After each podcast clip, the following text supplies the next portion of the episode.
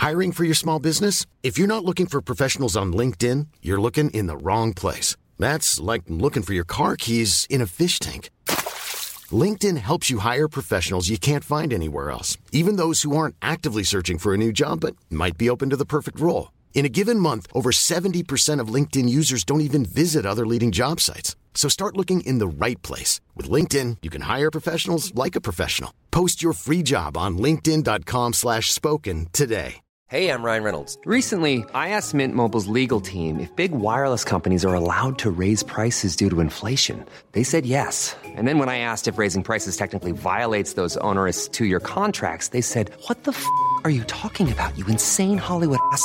So to recap, we're cutting the price of Mint Unlimited from $30 a month to just $15 a month. Give it a try at mintmobile.com slash switch. $45 upfront for three months plus taxes and fees. Promo for new customers for limited time. Unlimited more than 40 gigabytes per month. Slows. Full terms at mintmobile.com. When you're ready to pop the question, the last thing you want to do is second guess the ring. At Bluenile.com, you can design a one of a kind ring with the ease and convenience of shopping online. Choose your diamond and setting. When you find the one, you'll get it delivered right to your door. Go to Bluenile.com and use promo code LISTEN to get $50 off your purchase of $500 or more. That's code LISTEN at Bluenile.com for $50 off your purchase. Bluenile.com code LISTEN. Many of us have those stubborn pounds that seem impossible to lose, no matter how good we eat or how hard we work out. My solution is PlushCare. PlushCare is a leading telehealth provider with doctors who are there for you day and night to partner with you in your weight loss journey. They can prescribe FDA-approved weight loss medications like Wagovi and Zepbound for those who qualify. Plus, they accept most insurance plans. To get started, visit plushcare.com slash weight loss. That's plushcare.com slash weight loss. I'm amazed how many people own stocks. They, they would not be able to tell you why they own it. They couldn't say in a minute or less why they own it. Actually, you really press them down, they'd say, the reason I own this is the sucker's going up. There's enough cash in the financial system, and there's an infinite amount of cash at the Federal Reserve. An infinite amount Put of cash. Put that check in a money market mutual fund. Then we'll reinvest the earnings into foreign currency accounts with compounding interest, and it's gone. So they had to do something. All they had left was just to print money and start buying things. And that's what they did. Quick buck artists come and go with every bull market, but the steady players make it through the bear market. They say money can't buy happiness. Look at the fucking smile on my face. Hej och välkommen till ett nytt avsnitt av Market Maker som återigen Fabian ska handla om den gröna omställningen som jag kan, vad jag kan se här i mina anteckningar, eller hur? Ja, det är så. Vi har ju dragit nu, inte två veckor i rad, men eh, det blev ett litet avbrott där för Link Mobility. Men vi har ju ändå pratat två veckor av de här eh, tre, fyra veckorna vi har varit igång sedan nyår om den gröna omställningen. Så då tänkte jag, ja, vi kanske ska kika på ett lite annat sätt man kan profitera på den här. Ja, men precis, för det är det som är intressant. Det, det är inte så att, jag tycker i alla fall inte att det blir tjatigt eftersom det är så pass olika vinklar till den. För det intressanta är att det här är den stora megatrenden som kommer liksom ligga och, och driva väldigt många ja, marknader egentligen i åtminstone tio år framåt. Eh, och det gör det på olika sätt. Vi har ju pratat om de här delarna med hur det påverkar den gamla energin, alltså den fossila biten. Vi har pratat också om hur det påverkar de nya som solceller, värmepumpar. Eh, men det finns ju också till exempel det här med, ja, ska det elektrifiera samhället, då krävs det enorma mängder koppar till exempel. Och det är en, av det, en del av det vi kommer att prata om idag till exempel. Så det finns väldigt många ingångs, ingångar på det här ämnet. Så därav att det liksom är Ja, det här är väldigt intressant att utforska och, och någonting som är ganska skönt lite att ha medvind av en sån här megatrend i ryggen när man investerar. Exakt, och sen går ju det här lite vidare på eh, lite olika typer av råvaror och eh, egentligen vad den stora råvarutrenden är och varför det finns så många som är så väldigt, väldigt bullade på råvaror. Och utöver det blir det också jättemycket annat, allmänt snack om börsen och så vidare. Ett späckat avsnitt. Vi kommer till och med faktiskt dra igång en liten tävling här också. Eh, ska jag presentera den kanske? Ja, gör det. Vad är det för tävling? Ja, men så här är det. Det finns ju ett, eh, om man känner till konceptet UF, alltså ungdomsföretag. Det är en kul grej där ungdomar, jag tror att de går i skolan, i gymnasiet kanske, får liksom som en, som en kurs i princip eh, starta företag och sådär. Och det vill vi stötta. Eh, och då är det några som har dragit igång eh, ett UF-företag som heter Finanskampen. Och det är helt enkelt ett spel som heter Finanskampen med både roliga och seriösa frågor inom finans. Perfekt för alla börsintresserade där ute. Eh, så vi tyckte att vi ville stötta de här ungdomarna lite grann. Så vi har köpt tre stycken spel som vi kommer lotta ut ut helt enkelt. Och det, för att vara med i den utlottningen, då retweetar man bara veckans avsnitt på Twitter. Eh, vi lägger ju alltid ut ett inlägg på vår Twitter, at marketmakerspod. Och då kan du bara trycka på retweet. Du behöver inte ens skriva någonting om det till. Bara retweeta och så kommer vi plocka en av, eh, eller förlåt, tre stycken då som har retweetat det här. Eh, se till att ha er DM öppen om vi ska kunna skriva till er också förstås. Jag tror att det räcker med att ni följer oss för att vi ska kunna DMa er. Men ni får också gärna skriva någonting om ni vill, för nya Twitter-algon premierar ju kommentarer. Det ökar chansen att vinna. Ja, det med. Ja, och det ökar ju chansen att vinna förstås om ni skriver en, en härlig kommentar om varför ni gillar podden. Så att eh, retweeta dag, dagens avsnitt när det kommer ut på Twitter eh, och eh, ja, skriv jättegärna en kommentar också om varför ni gillar podden så kommer tre av er vinna det här då, Finanskampen-spelet. Eh, och annars kan man väl googla på Finanskampen UF om man vill köpa ett eget ex. Innan vi hoppar in på dagens avsnitt ska vi påminna om att det inte är någon rådgivande rekommendation. Vi berättar vår process och hur vi tänker, gör alltid en egen analys och glöm aldrig att alla investeringar är förknippade med risk. Den här veckan Fabian har jag någonting väldigt, väldigt roligt att meddela. Vi har nämligen en ny huvudsponsor av podden, Affärsvärlden, det anrika magasinet som är eh, väldigt, väldigt analystätt. Alltså det är faktiskt en riktigt bra tidning. De har ju som mål att publicera minst 500 aktieanalyser per år, men de brukar ligga ganska långt över det. Så det är väldigt mycket analyser. Väldigt, väldigt kul att läsa. Bra analyser också. Eh, dessutom tror de mycket på transparens. De följer upp de analyserna efter ett år för att se hur det går, vilket jag också gillar väldigt starkt. Eh, dessutom, som prenumerant kan man följa deras portföljer. De har ju en affärsvärdeportfölj som har gått superbra, slagit index med råge och lite andra portföljer som utdelningsportfölj, buy and hold-portfölj och så vidare som man kan kika på. Vi kommer att återkomma. Vårt samarbete med Affärsvärlden kommer liksom funka lite så att vi kommer lyfta in innehåll från dem, plocka ut analyser som vi gillar eller texter som vi gillar eh, och presentera dem för er lyssnare så att, så att det blir intressant och matnyttig information för er också förstås. Eh, kanske koppla an det till dagens ämne som vi hade tänkt göra idag. Så vi kommer återkomma lite till den analysdelen. Jag tänkte bara avslutningsvis lyfta lite här med eh, erbjudandet, varför man, vad vi kan erbjuda när ni prenumererar på Affärsvärlden. Om man använder koden MarketMakers i ett ord, vi kommer också såklart lägga en direktlänk i avsnittbeskrivningen, eh, och signar upp sig som ny prenumerant, då får man tre månader för halva priset och det här gäller då den digitala prenumerationen. Så att, Eh, klicka på länken i avsnittbeskrivningen eller använd koden MarketMakers om du är ny prenumerant så får du som sagt tre månader för halva priset. Eh, vi säger stort tack till Affärsvärlden och återkommer strax till en av deras analyser i dagens avsnitt. Ja, hänt mycket i veckan. Minst sagt. Tung makrovecka framför oss också, framför allt. Eh, det här är ju rörigt. Vi spelar ju en tisdag kväll. Det är alltså den sista januari. Eh, det kommer ett Fed-besked imorgon för oss, alltså på onsdagen, men när ni lyssnar på det här då är det torsdag, så det har ni redan Fed-besked i ryggen. Fed kommer ut och berättar hur de kommer göra med räntan. ECB kommer också här i veckan någon gång.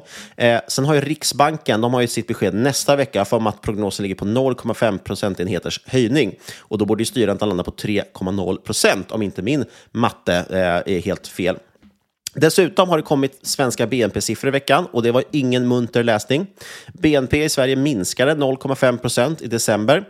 Eh, väntat var en tillväxt på 0,2 procent, så det här var ju riktigt, riktigt platt fall, att man har minskande BNP när man trodde på tillväxt. För helåret 2022 så är siffran jättestark. Man ser ut att landa på plus 2,4 procent. Men då är det så här, det ligger långt över det historiska snittet. Men tyvärr är det så att man går ut och förklarar att det här beror på att vi hade så extremt låg ekonomisk aktivitet i första halvan av 2021. Så det man alltså säger är att vi har väldigt låga jämförelsetal. Vi pratade lite om jämförelsetal förra veckan. Eh, så det är helt enkelt att man hade väldigt låga jämförelsetal att jämföra med. Det har alltså inte att göra med att, att ekonomin var stark föregående år, utan att, att det var så extremt svagt året innan dess. Eh, lite deppigt, och ännu deppigare blir man om man läser Andreas Cervenka i eh, Aftonbladet, tror jag han skriver. Domedagsprofeten, som alltid, aldrig är så himla positiv. bästa källan för nyheter. Exakt, men han pekade ju på bland annat att, eh, eller han summerar läget så här. Vi har en inflation i Sverige som är högre än den ryska inflationen. Det är inte så jätteroligt. Bostadspriserna faller snabbast i världen. Det var SBAB som, som eh, la ut siffror på det här, tror jag. Och de sa att från rekordnoteringarna våren 2022 har priserna nu på bostäder fallit med 17 procent i Sverige. Så köpte man våren 2022, då har man då helt enkelt bränt sin kontantinsats nu om man är fullbelånad. Fantastiskt. Ja, och så säger han också att ekonomin krymper mer än i resten av världen enligt då prognoser för nästa år. Och så sagt, vi hade ju nu fått siffrorna för helåret 2022, eller det är en prognos fortfarande för 2022, eh, men vi har fått för december. De måste sedan räkna ihop allting exakt. Men det har också kommit ut prognoser. Då är det bland annat SEB och Swedbank som kom ut här i tisdags, tror jag, med sina konjunkturprognoser för 2023. Och båda bankerna spår att Sveriges BNP ska minska under året, mellan då ja, 1,2 till 1,3 procent. Så det är ganska illa. Och det är då ja, Bland de sämre faktiskt i, i världen då tyvärr. USA är ju lite starkare. Där har vi ju sett att amerikansk inflation har bromsat in nu, sex månader i rad faktiskt, ner till 6,5 procent. Och även euroländerna backar inflationen för tredje månaden i rad. Eh, dock mycket högre, man ligger drygt 9 procent. Sverige som sagt sticker ut här med att vi är, eh, ja, vi ligger helt enkelt ganska mycket sämre. Vi har väl 12 procents inflation i någon, någonting i den stilen. Eh, och många hoppas nu på, alltså många tror ju att den här börsuppgången vi har sett senaste tiden nu har varit driven väldigt mycket av att Fed börjar ändå komma ner nu. Med, man får ner inflationen, börjar närma sig sitt mål. Och dessutom då att man kanske kommer lyckas med den här mjuklandningen som man pratar om, det vill säga att ekonomin inte totalt ska krascha.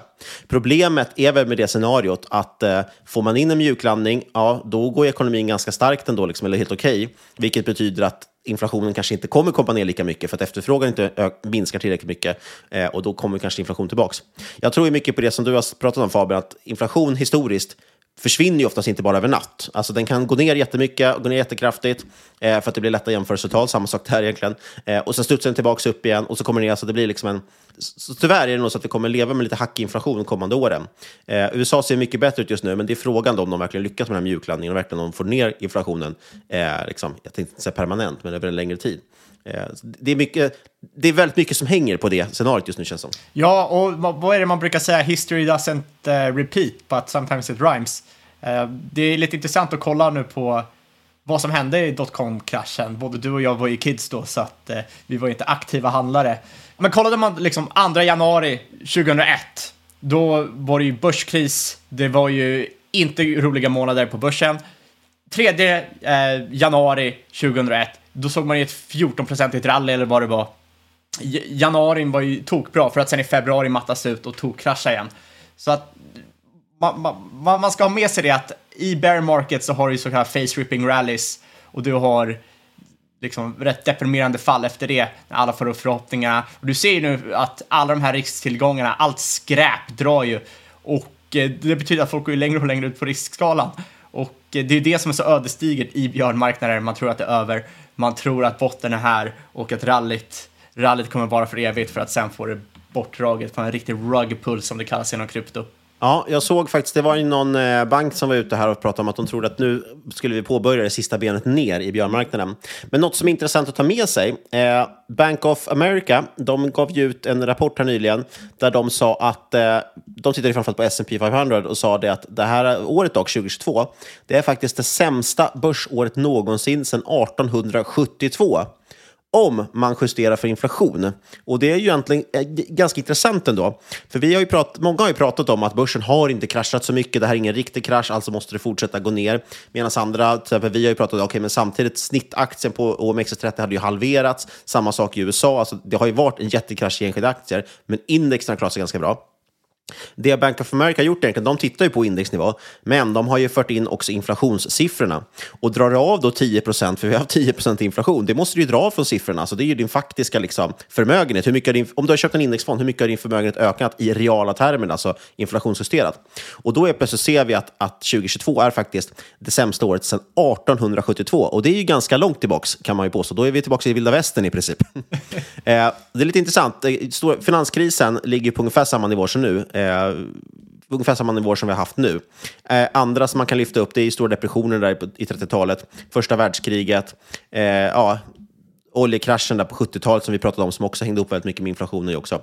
Eh, Dotcom-bubblan kommer inte alls i närheten, men den pågick ju, där hade man ju nedgång tre år. Så att den totala nedgången blev antagligen större, men här tittar vi ju årsvis. Det är ju det här med kalenderåret helt enkelt.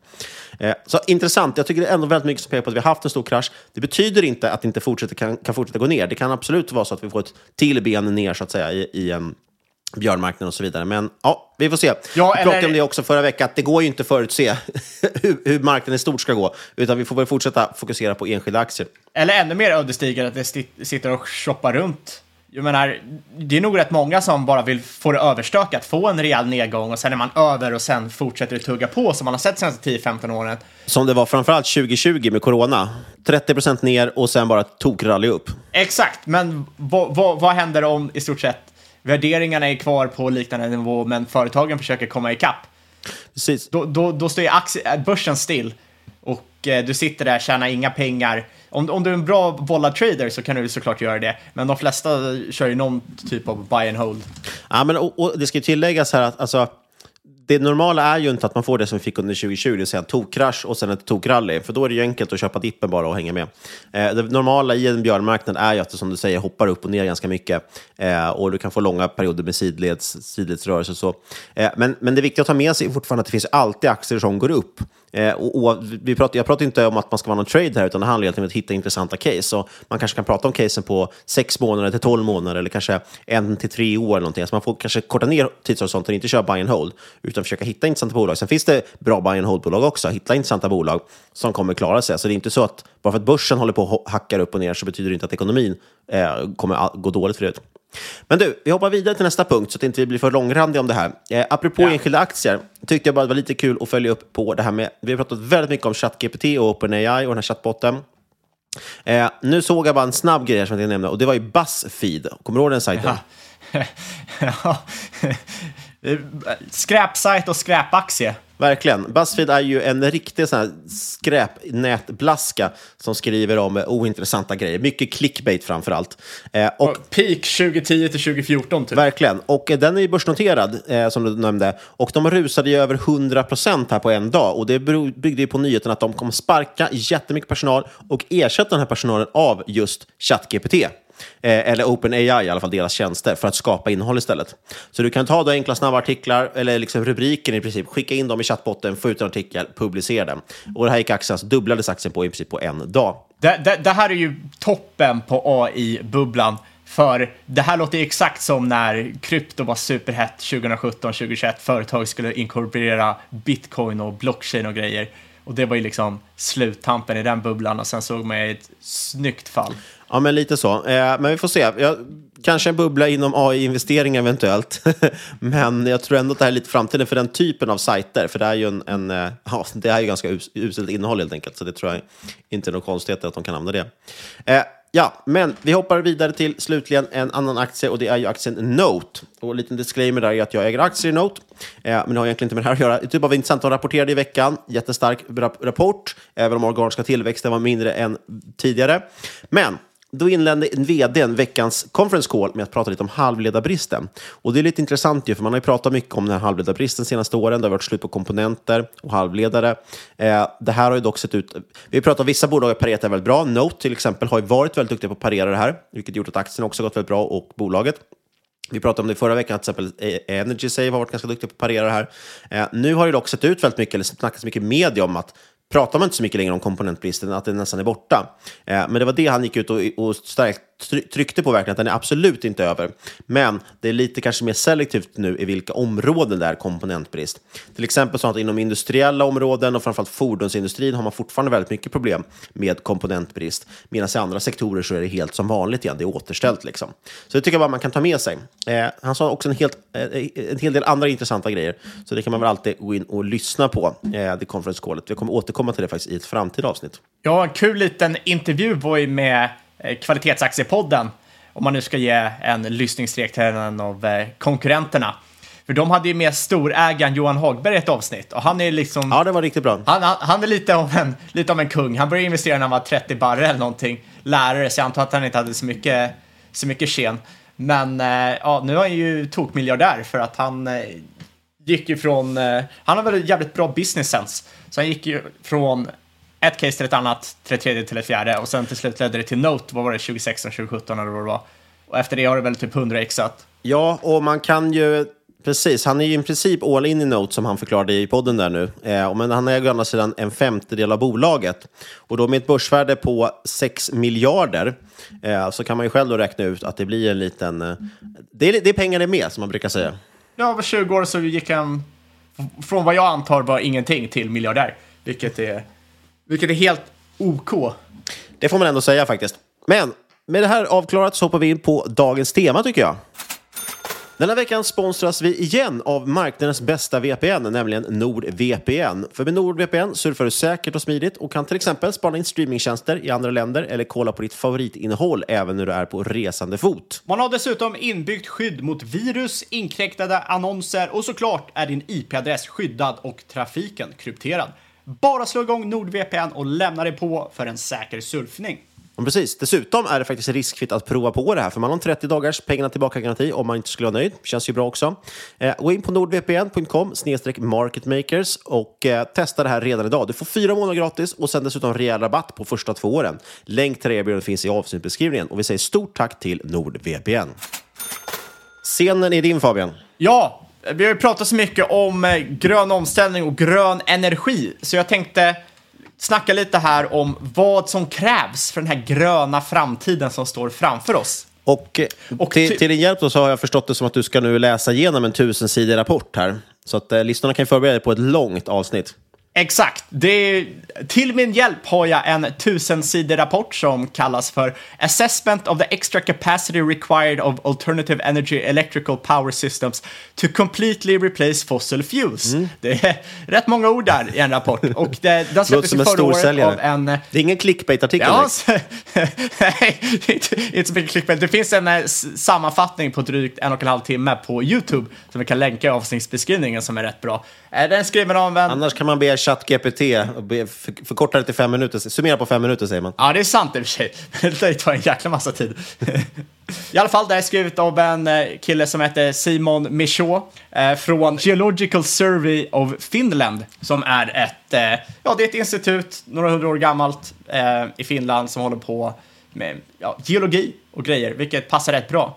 Men i alla fall kortfattat så går den här rapporten igenom vad som krävs av vårt samhälle i form av råvaror för att eh, liksom göra den här elektrifieringen. Och eh, det här är ju någonting som många kanske inte tänker på. De tänker fan, eh, fossila bränslen, det är inte så jättetrevligt och det håller jag med om. Vi byter över till sol och vindkraft och liknande. Men så tänker man inte, okej, okay, men vad krävs för att vi ska nå dit? Och det har den här killen eh, sjukt eh, genomarbetat går igenom liksom, i stort sett, han kommer fram till hur många bilar vi har, vad som krävs för att ställa upp det, vad vi har för liksom, kraftverk nu, vad vi skulle behöva för att ersätta det och så vidare och så vidare. Och eh, i stort sett kommer fram till den mängd råvaror, vad för typer av råvaror vi behöver för att nå våra klimatmål 2050 om eh, 100% förnyelsebar energi. Och det stora problemet här är att eh, ja, vi har ju knappt börjat bygga på det här, även om vi tror det. Vi är ju vi är liksom lite om en testfas fortfarande. Vi har knappt ens börjat förbereda oss för den här uh, omvändningen som ska vara klar om 27 år. Det här stora skiftet. Nej, och man, många, som du säger, många glömmer nog bort det där att, att uh Idag är det fortfarande så att en majoritet av den energi vi tillverkar och, och använder också eh, kommer fortfarande från fossila bränslen. Eh, den liksom förnyelsebara delen handlar, det handlar om några procent av världens totala energi. Eh, så det är ju inte bara att smälla upp några fler vindkraftverk så är det klart, utan vi pratar ju om att vi måste mång, mång, mångdubbla det vi har idag, vilket eh, ja, det sker inte i en handvändning. Exakt. Alltså att folk underskattar hur mycket fossila bränslen vi använder. Cirka 80 procent av global energi kommer från fossila bränslen. Uh, och sen kommer någon enstaka procent från sol och vind. Så det är mycket framför oss. Precis, och även om du ska ha då, kärnkraft är ju en stor del i det här också, men det är ju också så att även kärnkraftsvurmare tror jag underskattar hur mycket kärnkraft som behövs för att ersätta fossila bränslen. Ja, framförallt hur mycket råvaror också som, som behövs. För det tänker man inte det är som energi före liksom 2022, 2021 när man inte riktigt hade den här elkrisen. Man tänkte inte på var energi kommer ifrån. Det var ju alltid där. Och det är samma sak med råvaror. Det har ju alltid varit där liksom, det, det, har löst sig, vi har haft väldigt billiga råvaror en längre tid. Eh, det är inga problem. Eh, men det kanske inte riktigt är sanningen, det är lite för bra för att vara sant. Och det är det som den här rapporten går in på, vad som krävs av oss. Eh, framförallt problematiken när vi inte ens har börjat gräva efter de råvaror vi behöver till den grad vi behöver dem. Men i alla fall, han är väldigt konservativ i den här rapporten, vilket är bra. Men man kan också se det som negativt, för det betyder att hans liksom resultat kanske i slutändan kommer vara ännu större. Eh, men konservativt, konservativt beräknat eh, behöver, behöver vi fasa in förnyelsebar energi som kan generera 36 000 terawattimmar om året. Och eh, det här är ju en rätt stor siffra, svår att eh, ta hänsyn till. Men för att generera 1000 terawattimmar så kan man antingen använda sig av 142 stycken kolkraftverk eller cirka 12 000 vindkraftverk. Eh, tekniskt sett så säger han ju att det är 12 000 wind turbine arrays med 10 turbiner styck. Så det blir ju 12 000 gånger 10. Så att, jag, om jag förstår det här rätt då, så skulle det krävas drygt 400 000 vindkraftsparker egentligen för att täcka hela eh, världens energibehov. Eh, ja, eller vindkraft. Du, du, du, du, du behöver...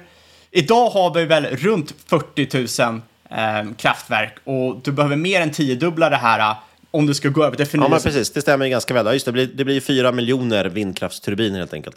Ja, exakt. Och sen, men sen kommer det ju slå över lite på sol... Eh, Ja, jag, bara, jag bara försöker ge ett exempel här, liksom. exemplifiera lite. Ja, nej, men absolut. Men och, anledningen bakom det är ju för att tyvärr så är det ju så att eh, förnyelsebar har ju lägre energy return on energy invested än vad fossilt har. Det vill säga att det krävs mer för att få ut mindre. Eh, det är tyvärr sanningen oavsett hur mycket man tycker om det. Eh, men enligt då Eh, författaren så anser han att man kommer behöva över 2 miljoner eh, vindkraftverk och över 27 miljarder solpaneler för att hålla i våra energibehov. Det är alltså inte för att växa vår, eh, vår energi, vilket såklart skapar ekonomisk tillväxt, utan hålla i den energi, de energibehov vi har idag. Och därmed kan man ganska snabbt stryka den här klassiska eh, grejen som har flugit runt internet många år nu. Eh, den här myten om att det skulle räcka med en liten kvadrat, några kvadratmeter i Saharas öken för att täcka hela världens energibehov som man har pratat om mycket. Exakt. Och sen har du ju det här problemet också att sol och vind är oregelbunden, intermittent som det heter på engelska. Och eh, många då, Uh, idag använder vi en buffer som kallas gas som täcker upp för det här, eller kärnkraft eller uh, liknande saker. Uh, men vill man satsa helt här på sol och vind så kommer man behöva batterier med minst fyra veckors buffert, för det är säkra industribehov och liknande ifall det går ner. Det finns ju lite sådana här försök också med vätgasturbiner också.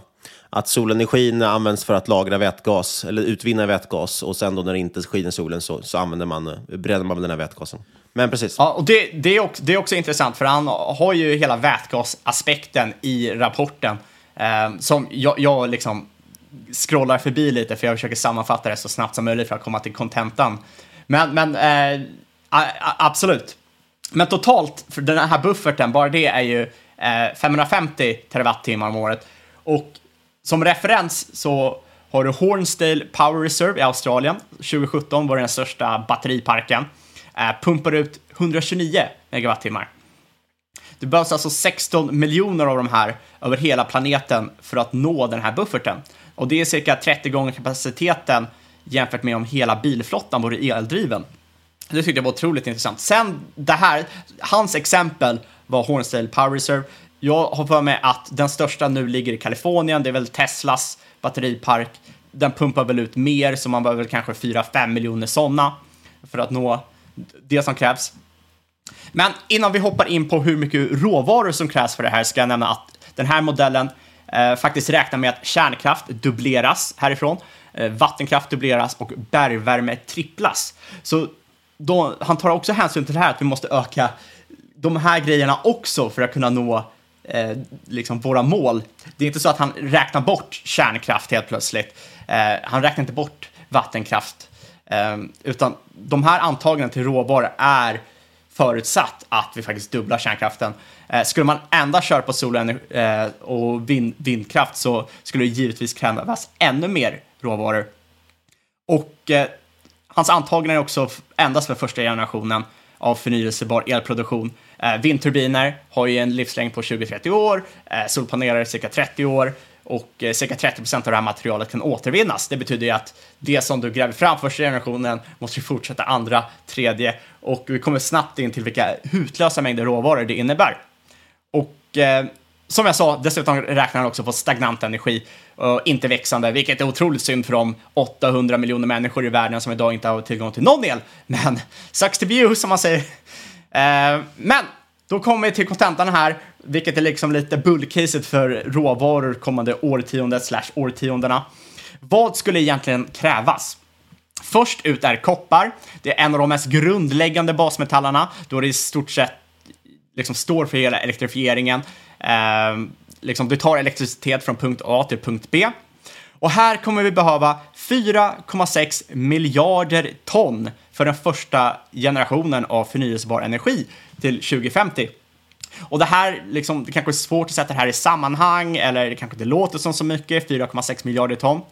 Men om, det är estimerat att mellan 4000 före Kristus till år 2020, eh, vad, vad är det, 6000 år, så har vi som människoart sammanlagt grävt fram 700 miljoner ton koppar. Det är alltså, vi behöver alltså få fram över sex gånger mer koppar inom loppet av 27 år för att nå våra klimatmål. Och nuvarande kända kopparreserver, det vill säga koppar som är under marken men som vi vet om, ligger på cirka 880 miljoner ton. Det är alltså fem, liksom, vi, vi behöver fem gånger mer koppar än kända kopparreserver. Eh, helt plötsligt så blir, blir den här bilden liksom lite förvriden här. Man bara, hmm, hur ska man få till det här? Och sen, liksom det som är, eh, som vi kom in mycket på kring energi, det är den här eh, konstanta underinvesteringen. För vi har ju drastiskt dragit ner på eh, exploration, development senaste årtiondet, årtiondena. Och eh, det har ju inneburit att kopparfynd har ju drastiskt avtagit. När vi snarare behöver hitta mer koppar. Och eh, det här innebär ju också att förutsatt att vi hittar all resterande koppar som vi skulle behöva om det finns på den här planeten, eh, liksom någonstans under marken, så skulle det ta oss i nuvarande takt 190 år eh, med den liksom eh, gräv och takt, eller mining intensity som det heter på engelska, att gräva upp all koppar. Så där måste vi börja rampa upp jäkligt snabbt hörni.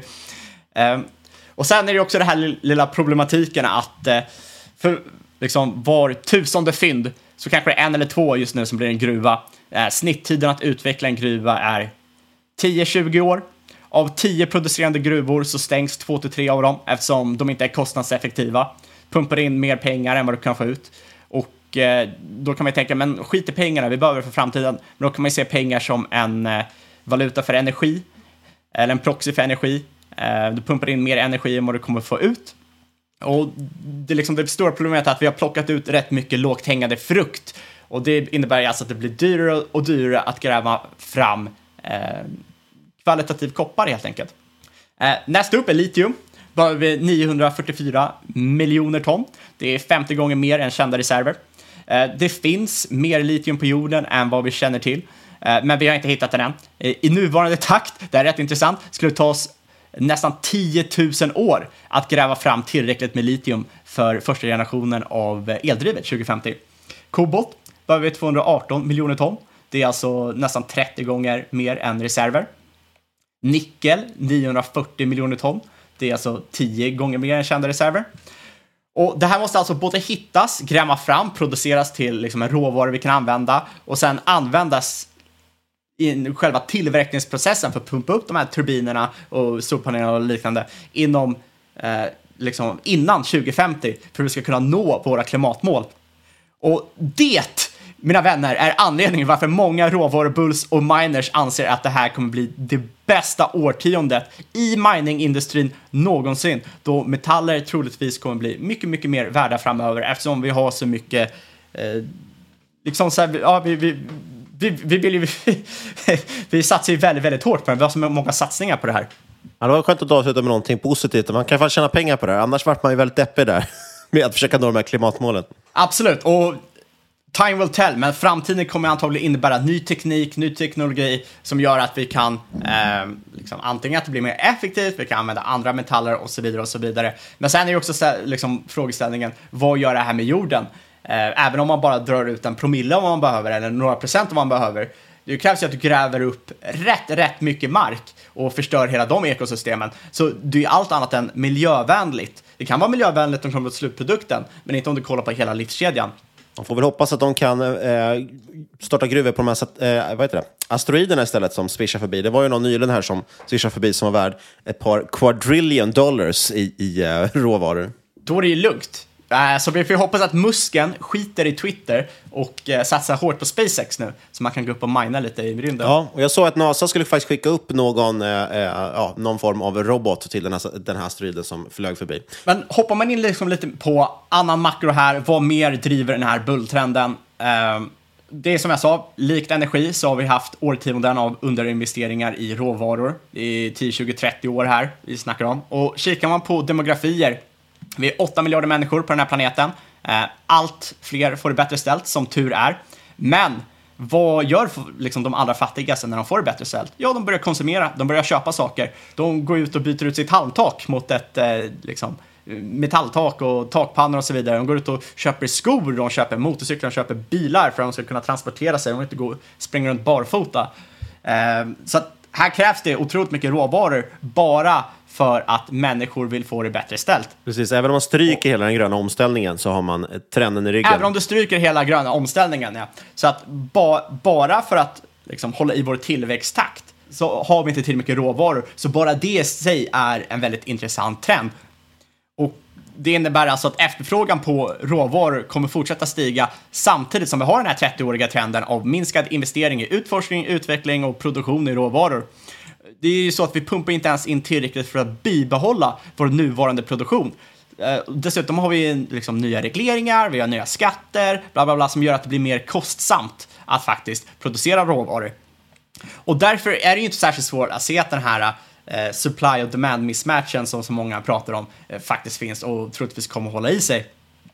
Och dessutom är det så att många eh, råvaror, även om vi har sett ett väldigt fint rally sedan slutet på 2022, faktiskt fortfarande är rekordbilliga om man inflation, eh, inflationsjusterar priserna. Och eh, jag tror ju, och väldigt många man lyssnar på som är otroligt mycket smartare än vad jag är, tror ju att det här kommer ju få en reversion to the mean. Och eh, det enda som kan hålla nere priserna kortsiktigt är ju en recession. Visst, liksom tekniskt kan de ju bli överköpta och det är många som är överköpta guld och så vidare, är väl kortsiktigt överköpta och det kan ju gå ner och så. Men den långsiktiga trenden eh, spår ju många ska vara uppåt på grund av de här fundamentala eh, anledningarna. Och eh, långsiktigt så kommer efterfrågan långt eh, överstiga utbudet och det är därför så många tycker det är så intressant. Därför så tänkte jag att vi hoppar ner lite i råvaror eh, och det här avsnittet blir liksom lite mer av en översikt kring råvaror. Jag tänkte först att jag bara skulle pumpa ut en enda case, men det är som när man börjar prata om olja i podden att man vill ge bakgrunden till casen och det, bara det blir ett avsnitt i sig. Så först tycker jag vi hoppar in på koppar.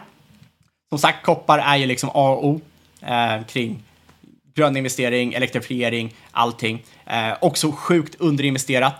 Eh, och det gör ju att det är lite, känns lite som en no-brainer. Eh, många gruvor är långt förbi sin prime. Den största gruvan, eh, eh tror jag uttalar det rätt, jag vet inte, i Chile, är över 100 år gammal. Och att klämma upp en ny gruva tar ju tio år ungefär, om inte mer. Eh, kortsiktigt ser du ju också problem med protester och oroligheter i länder som Peru. Eh, och det riskerar ju liksom kortsiktigt några procent av det globala kopparutbudet. När en råvara är prissatt på marginalen så innebär det ju att det finns risk på uppsidan. Men vi bryr oss inte om det kortsiktiga, vi bryr oss bara om det långsiktiga här. Eh, och det är att supply-sidan långsiktigt ser rätt ödesdiger ut. Och eh, det är där det strukturella caset är för högre kopparpriser. Chile-Peru står för 45 procent av outputen idag. Eh, och det gör ju också att det är rätt svårt att få en kvalitativ exponering kring den här råvaran. För antingen har du geografisk risk, du, eh, du sitter i ett land där det är rätt osäkert eh, vad som händer. Du har kvalitetsrisk, det vill säga att det kanske inte är prime grade koppar du får upp. Eller så är det managementrisk, det är några tokstollar som sitter där vid ratten och de vet ingenting. Och det är det stora, det, det är sån där klassiker prata om att det är mycket boom-bust-cykler här och det har ju mycket att göra också med att det är belåning och så. Man måste ha så mycket koll på skuldsidan av de här bolagen. Absolut, men sen är det ju också att det är många som ser guldrush och så tänker de fan jag smäller upp här, här är en gruva jag kan köpa billigt och så visar det sig att det där var ingenting. Men de kan bli rika på aktieägarna. Absolut. Det måste, och det gör ju att det är väldigt svårt att hitta bra case här. Och Eh, en, en stor del av osäkerheten kring allt det här gör ju också att man inte pumpar in tillräckligt mycket pengar för capex, eh, för underhåll av de här gruvorna, eh, än mindre för tillväxt. Ja, jag tänkte att vi kan ju nämna snabbt ett bolag faktiskt som finns för att få lite exponering mot koppar. Eh, och det här är ju en analys från Affärsvärlden, vår sponsor, som jag lyfter härifrån. Eh, de skrev ju faktiskt bara häromdagen, 28 januari, om Lundin Mining. Det här känns ju som ett svenskt bolag. Det handlas på svenska börsen, eller på Stockholmsbörsen, men det är egentligen ett kanadensiskt gruvbolag i grunden. Eh, och de har ju faktiskt, just koppar står ju, försäljningen av koppar står för 70 procent av intäkterna. Så det är ett ganska ändå liksom rent spel, eller pure play på just koppar koppar. Exakt, och jag tycker det är ett rätt intressant alternativ här. Ja. Speciellt när man kollar på värderingen. Ja, men precis. Och, och framförallt så är det ju intressant att de också är i förhållandevis stabila länder. Eh, det är de amerikanska kontinenterna, som du pratar i Sydamerika och så, eh, men också i Europa. Så en investering i Lundin Mining är helt enkelt en, väldigt mycket ett, ett bett på kopparpriset. Och det här förstärks ytterligare av att eh, Lundin Mining också jobbar väldigt lite med hedgar. De hedgar i princip inte priset, vilket betyder att det kan ju svänga väldigt mycket helt enkelt. Det är, de är väldigt exponerade mot underliggande råvaror, vilket är superbullish om, du, om kopparn går upp i pris. Eh, för då slår ju det direkt väldigt mycket mot resultatet. Eh, men sagt, det kan ju också gå åt andra hållet. Och det är rätt intressant faktiskt. Det är ju väldigt svårt såklart att prognostisera priser på koppar. Eh, men här kan man faktiskt gå in och titta på Affärsvärldens eh, analys. Då har de gjort en ganska intressant tabell där de har eh, simulerat helt enkelt lite olika kopparpriser och ser då vad det trillar ut för resultat helt enkelt eh, i Lundin Mining. Dessutom, de har ganska stabil ändå, eh, liksom, balansräkning. Man har nettokassa på 1,5 miljarder kronor idag. De kommer göra en hel del investeringar, men i princip så täcks de investeringarna av det operativa kassaflödet. Eh, och ja, man tror väl dessutom, spånar man lite, att en lågkonjunktur skulle kunna... Det är ju dåligt för sektorn, men det skulle också kunna betyda att ett skuldfritt bolag som Lundin Mining kanske då kan göra opportunistiska förvärv också av andra bolag. Något som man lyfter upp lite som en risk, här, kanske en osäkerhet, det är väl det här med att det ny, är lite ny ledning i det här. Lundinsfären har ju senaste decenniet liksom styrts av brödraparet Ian och Lukas Lundin. Eh, men den ena tyvärr gick ju tragiskt bort i cancer förra året eh, och den andra brorsan har ju tagit ett kliv tillbaka. Så nu är det liksom en ny, ung generation som kommer in eh, som verkar ambitiösa, men vi vet ju fortfarande inte, de har fortfarande inte liksom, kanske så mycket track record, eh, det affärsvärlden konstaterar. Eh, slutsatsen dock är att affärsvärlden ger ett köpråd på eh, Lundin Mining. Eh, de tycker att man har liksom bra, dessutom ha bra tillgångar, man verkar hitta liksom nya intressanta fyndigheter. Eh, de tror också, de är ganska, säger sig vara ganska bekväma i att kopparpriset på längre sikt ska upp kraftigt och det är väl vi också av de skäl som du precis har listat Fabian. Men de skickar med en brasklapp här att eh, problemet är väl att om kopparn kortsiktigt går ner så kan ju det också vara en tråkig utveckling i aktien.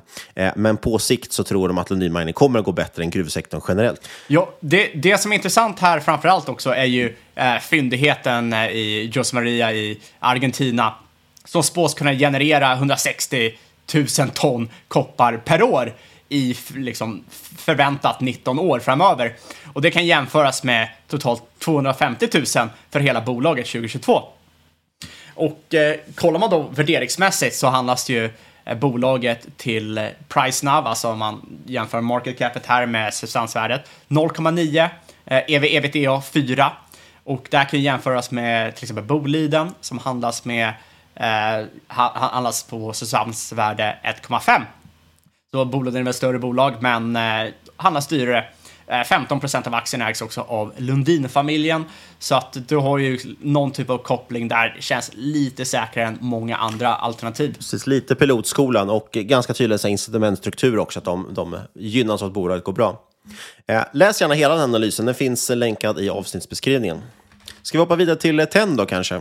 Ja, jag tänkte bara snabbt lyfta upp TEN för det är så jäkla hett just nu. Känns som var och varannan eh, twittrare håsar. Eh, men det är också av en anledning och det är för att det används i allt från energiteknik till halvledare. Och eh, framförallt så finns det lite kortsiktig bullishness. Eh, det är monsunsäsong, eh, 10% av supply är offline, eh, låga lager och så vidare. Och det är väl främst eh, Alphamin Resources och Metal X Limited eh, som man ser poppa upp i flödet, som man har läst lite om. Men Alphamin släppte nyligen guidance, eh, handlas nu till ev ebitda 4, rekordkvartal. Efter de har liksom lagt 30 miljoner dollar på tillväxt och 17 miljoner på utforskning så har de ändå växt sin kassa med 40 miljoner. Eh, och så ska de pumpa ut eh, 3 cent i, eh, i utdelning också på aktiekurs på en dollar, så att, eh, eller ja, en kanadensisk dollar. Så att då, då går framåt, jag ser varför många är bullish, eh, de här bolaget i den här sektorn. Och eh, bolaget själva säger att det är en stor utbudsbegränsning kommande fem år. Jag personligen eh, ser gärna en pullback, konsolidering i det här bolaget och många andra bolag i den här sektorn innan jag gör en tre. Eh, jag missade solklart Q4-rallyt. Eh, det gör inte att det inte är intressant långsiktigt, men jag tror att man kan plocka upp det på bättre priser. Och sen när vi ändå pratar om råvaror så måste jag ju trycka in uran lite också för att jag tror nu att 2023 äntligen är urans år. Om det inte blir 2023 så är det 2024. Är det inte 2024 så är det 2025. Och så fortsätter det så framöver och så sitter man där med alternativavkastningen. Eh, men jag tycker faktiskt det börjar se rätt, riktigt intressant ut nu igen. Eh, man ser allt se fler länder som pivoterar det här. Eh, länder i Europa, det är Kina, Indien, Japan. De vänder åsikt kraftigt kring kärnkraft. Japan har ju gått från att 70% är emot till att 61% är för. Det här är alltså efter Fukushima. Eh, och bara där i Japan krävs det väl cirka 12 till 15 miljoner pounds med uran. Halvera det ungefär för kilo så det är väl 5-6 miljoner kilo. Så kortsiktigt så liksom är efterfrågan större än utbudet. Och då kopplar man in det här med Kasataprom som kom ut häromveckan med att de missar produktionsguidance för både 2022 och 2023, kanske även 2024. Och det innebär att cirka 3 miljoner eh, kilo uran eh, är offline. Det är alltså ett underskott i sektorn som man inte riktigt räknat med. Och då ser man ju också här supply-demand-dynamiken, eh, oerhört intressant, som ger lite eld i den här urantresen som inte riktigt spelade ut sig 2022 som man hade hoppats på. Ja, och vad ska jag hoppa in på nu då? För där, jag inser ser nu när man skrev ihop lite anteckningar att det här blir väldigt spretigt avsnitt. Vi börjar med eh, den gröna omställningen och pratar lite koppar och sen tenn och sen lite uran, för det har ju med energi att göra. Men sen så tänker jag, när vi ändå håller på med råvaror så kan vi lyfta in lite andra råvaror och då tänkte jag att vi ska prata lite om guld. Och det är en ädelmetall. Och guld har ju haft ett stabilt rally sedan slutet på 2022 och eh, frågan är nu om botten är satt. Eh, många som tror det, kanske till och med att det är lite ö- liksom, överköpt eh, kortsiktigt. Men det som är intressant med guldet här nu är att i stort sett alla eh, investerare, ja, institutionella investerare, är underviktade ädelmetaller, då framförallt guld, där de kanske faktiskt borde vara överviktade. Negativa realräntor, Eh, ja, det är ju eh, inte så positivt för investerarna, men det är ju positivt för till exempel guld när investerare måste leta alternativ för att hitta avkastning på sitt kapital. Kan inte bara smälla in det i en eh, eh treasury bond och eh, få avkastning för att eh, ja, då, då, då urholkas ju värdet på kapitalet över tid. Man vill ju trots allt behålla sin eh, köpkraft. Just nu ligger snittallokeringen till ädelmetaller på 0,5 procent Eh, för institutioner. Det här kan jämföras med historiska snittet på 2 och kan jämföras med piken 1981 då det låg på 5. Och här, likt många andra metaller, så är det rätt rimligt att anta att vi kommer se någon typ av reversion to the mean. Och liksom revertar man endast till eh, historiska snittet, ja, då är det en fyrdubbling som krävs här i allokering. Och eh, det innebär ju att kapitalflöden är en stor del av storyn nu bakom guld. Och när guld går bra, ja, då tenderar guldaktier att gå väldigt bra. Och eh, högst uppsida finns såklart på juniors, men det är ju lite mer för spekulanter som jag själv. Men i den här podden, där är vi endast investerare. Juniors där, det är alltså de mindre guldbolagen helt enkelt. Exakt, de som obeprövade, riskfyllda. Det finns ju en klassisk eh, Goldminer ETF med ticker GDX och sen finns det ju GDXJ som är då helt enkelt bara junior miners, mindre helt enkelt. Exakt, och Goldminers har inte varit så kul att äga senaste åren. Eh, vi snackade ju först om det i avsnitt 61, länge sedan, det var alltså slutet på 2018. Och efter det så drog ju guldet iväg och det gjorde ju även miners. Eh, men sen plockade vi även upp bollen igen i maj 2022, avsnitt 231. Då tyckte vi det här ser jäkligt billigt ut. Och det var inte särskilt kul tid för sektorn, för efter det så fick de ju smaka på det ett halvår till innan man såg lite av ett rally. Det som är intressant med den här typen av miner, alltså guldminers, är att jämfört med många andra metaller och framförallt råvaruproducenter så har de ju ökat kraftigt sedan botten 2020. Eh, Flertalet bolag är upp 10 till 100 procent sedan botten. Eh, kollar man till exempel kolbolag som vi har pratat om tidigare i podden som vi lyfter 2022. Det har till exempel AMR, det är uppe 100 gånger från eh, lägsta till juni 2022 highs. Eh, Peabody är upp 40, eller var upp 40 gånger pengarna under samma period. Och man kan ju såklart fortfarande antagligen plocka billiga cashflows från de här bolagen, men du har inte samma typ av asymmetri kvar. Dessutom tycker jag det är rätt intressant att kontraindikatorn Twitter verkar rätt ointresserade av eh, de här guldaktierna just nu. Jag har kommit tillbaka lite med det här rallyt vi sett i guld senaste eh, månaderna, men eh, det är långt ifrån att folk kallar sig för guldbaroner på samma sätt som man ser för kol och koppar och olja och tenn och så vidare. Intresset verkar ha stagnerat rejält efter de senaste två åren då det har varit lite av en eh, körtkvarn nedåt. Och det som är intressant här är att GDX som du nämnde, alltså den här ETFen som eh, trackar de större spelarna i guldsektorn, de laggar Eh, guldpriset. Eh, handlas väl till ungefär 30 dollar just nu och ska väl upp till 35-40 dollar spannet för att anses vara eh, fair value. Så att det är endast nuläge, inte beroende på om guldpriset får ett fortsatt rally uppåt. Eh, men det som är intressant är, lyssnar man på många professionella råvaruinvesterare som har suttit inom råvaror i liksom 30-40 år, då anser man att guldaktier är minst lika attraktiva som de var 2015-2018 värderingsmässigt. Där många bolag, om man kollar på dem, kan skopas upp till ett p-nav. Till substansvärdet helt enkelt? Ja, till substansvärdet under ett, där de kanske brukar handlas till 1,5 till 2,5. Så där finns det ju på ren, liksom rent värderingsmässigt ser de jäkligt, jäkligt billiga ut. Eh, och vad ska man kika på här då? Ja, förutom att långa fysiskt guld, vilket man alltid kan göra om man tror på ett eh, långsiktigt fysiskt eh, guldrally, Eh, så bör man nog främst sikta på att fånga in sektorbeta här, det vill säga köpa de stora spelarna som har pålitliga cashflows. Eh, du har till exempel Barrick, du har Newmont, eller genom att köpa den här ETFen eh, GDX. De mindre spelarna som du nämnde är det är bra mycket mer drag där, men det är också bra mycket högre risk, kräver mer arbete, kräver högre riskvilja, man måste ha mage för volatilitet. Juniors kan falla 10-15% på en dag, eh, bara för att de är illikvida, någon ska ombalansera portföljen och behöver sälja av lite. men det är också där man kan generera lite alfa i sektorn om man gör, eh, gör, gör sitt jobb helt enkelt. Och man ser ju att juniors allmänt börjar röra sig nu, lite nu efter att ha blivit totalt demolerade de senaste två åren. Och juniors brukar alltid lagga eh, de större spelarna. Det som är lite intressant här tycker jag är att många av de här juniora miners är så pass nedtryckta att du kan skopa upp bolag som har 3-5 miljoner eh, ounces med guld i deposits för ett market cap på 50 miljoner dollar. Eh, för några år sedan stod de här i några hundra miljoner dollar. Och eh, man kan ju se det här då som en billig option för att levra sig till guldpriset.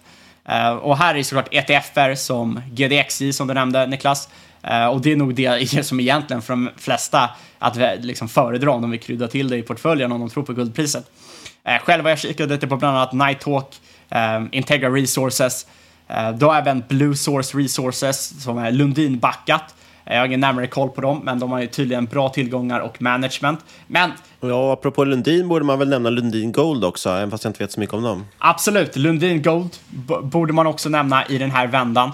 Eh, jag menar, som svenskar, det är klart, klart man dras till det.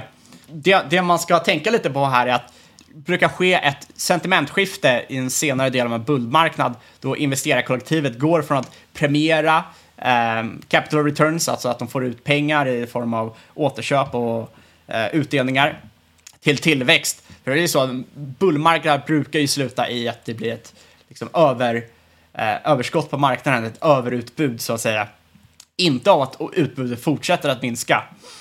Eh, men som sagt, eh, det här bör ses som en krydda i portföljen. Och på tal om krydda så tänkte jag hoppa in på en sista råvara som är rätt intressant och det är ju silver Poor Man's Gold. Och eh, i ett eh, metallrally, ädelmetallsrally, så brukar det ju dra i andra halvan av ädelmetallsbullmarknaden med sjuk på uppsidan. Och det är därför det finns så många silverbugs, så många som är, så konstant så håsade på silver. Men det är väl lite samma sak där med guld senaste halvåret har man ju sett det dö ut lite. Uh, frågan är, har man sett last man standing? Uh, lite liksom kontra, kontraindikator tycker jag.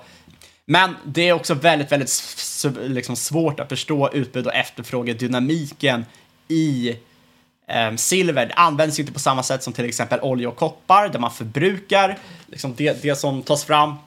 Dessutom är det så att 18% av det primära utbudet kommer från faktiska silvergruvor. Resten kommer från till exempel återvinning och framförallt som biprodukt från andra gruvor.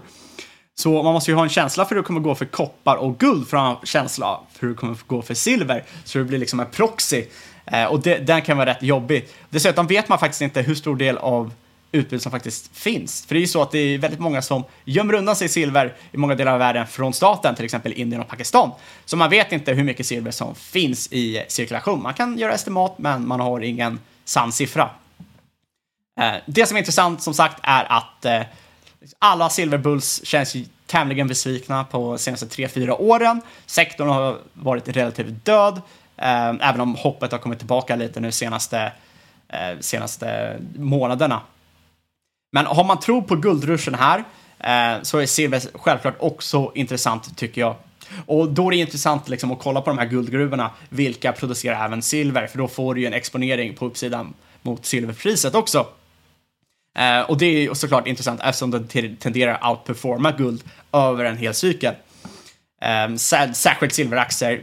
Market capsen brukar gå bananas för det finns inte så många silveraktier. Och eh, caset här bygger såklart på egentligen samma case som guld och eh, liksom hisspitchen där är ju negativa realräntorna. Och eh, en enkel ETF om man inte vill sitta och gräva fram är ju eh, SLV och sen såklart vår, våran kompis Erik Strand har ju sina sina silverfonder också. Ja, jag, jag tänkte precis nämna honom faktiskt, för det är ändå två fonder där som kan vara lite intressant att kika på. Och det här är ju såklart inte sponsrat på något sätt. Eh, det finns ju hans AUAG Silver Bullet i den som är exponerad mot silver. Eh, ja, den är ju helt enkelt väldigt fokuserad på den. Den äger framförallt silver miners. Om inte annat kan man gå in och titta på vad han äger för någonting i sin fond för att eh, se vad man kan liksom gräva vidare i. Så till exempel att han har Fortuna Silver Mines Inc. som störst innehav. Den andra fonden också, jag tänkte säga, som han också har, som är nästan mer intressant tycker jag, kopplat till det här avsnittet, det är ju hans AUAG Pressure Precious Green. Eh, den är ju upp 10 procent här nu i år och 30 procent nästan på ett år. Den har gått betydligt bättre än börsen. Eh, den är rätt rolig och den fokuserar ju dels på guld, men den fokuserar också på ädelmetaller som är kopplade just till, och även aktier kopplade till just den här gröna omställningen vi pratade om. Vi hade ju något intervjuavsnitt med honom eh, där han berättade om det här. Och då vill jag minnas att han beskrev det som att det här ska vara den klassiska 60-40-portföljen, fast i ny tappning. För den klassiska 60-40-portföljen går ut på att man har 60% aktier, 40% räntepapper. Men han tycker istället att man ska ha då 60% aktier inom eh, grön, eh, liksom, ja, grön omställningen eh, och 40 procent in guld istället. Så han har en stor guldexponering och sen är det också bolag som Plug Power Inc, Canadian Solar Inc och så vidare. Eh, olika typer av liksom, ja, grön energibolag och liknande och koppling mot ädelmetaller också förstås. Rätt intressant faktiskt fond och den har ju verkligen legat eh, rätt i tiden här också. Så den kan man också kika på. Men som sagt, det är aktivt förvaltade fonder, ganska höga avgifter, också förstås hög risk. Och den stora risken här för liksom hela sektorn egentligen, eller för alla råvaror, är på, liksom kortsiktigt, tror jag i alla fall. Eh, det har liksom lite blivit eh, en konsensus nu att vara kort dollarn, man ska ha lång guld, lång koppar, lång Kina, vilket lång råvaror på sitt sätt.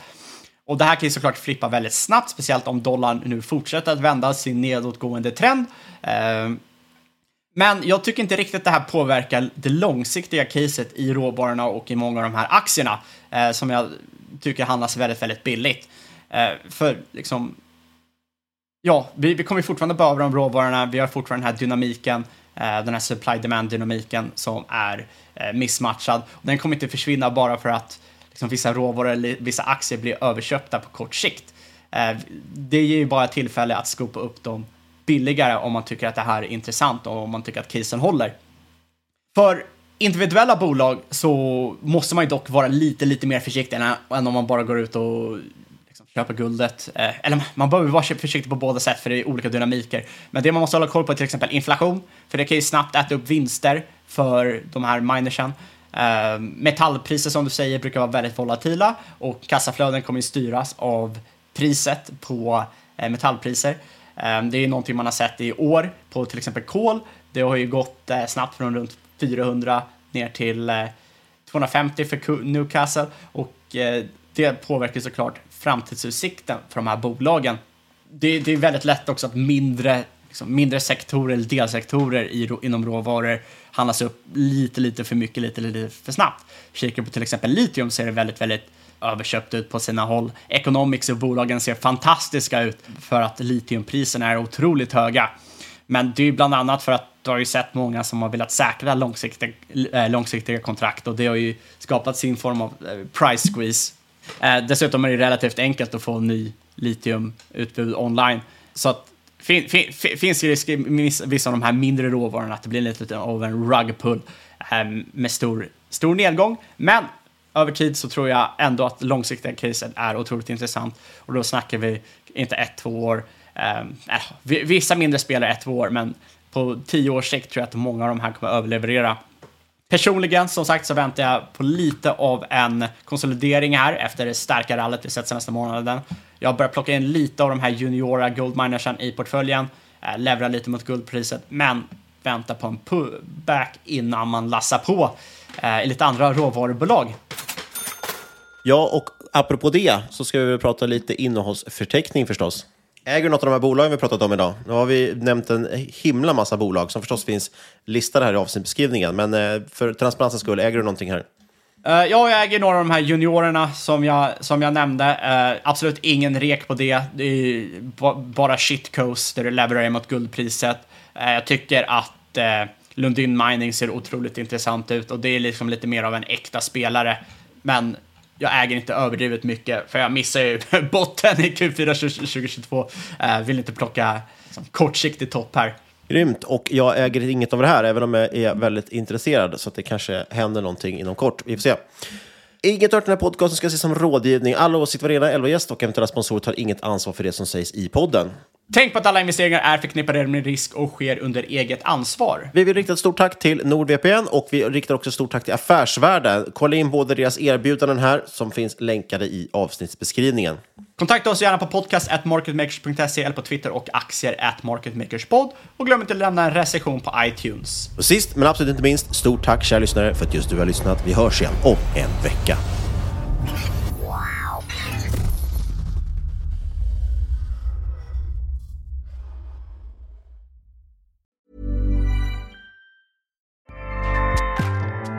ACAST powers the world's best podcasts. Here's a show that we recommend. The Real Housewives is a guilty pleasure for most, but if you're looking to not feel guilty about that pleasure, tune in to Everything Iconic with me, Danny Pellegrino, where I break down all the messy moments and behind the scenes antics of Bravo's popular franchise. And on Everything Iconic, I also interview celebrity guests like Kelly Ripa, Kiki Palmer, Drew Barrymore, Cameron Diaz, and more about their guilty pleasures, their past work, and so much more. So if you're pop culture obsessed and find yourself watching way too much reality TV like me, tune in to Everything Iconic with Danny Pellegrino wherever you listen to podcasts. ACAST helps creators launch, grow, and monetize their podcasts everywhere. ACAST.com.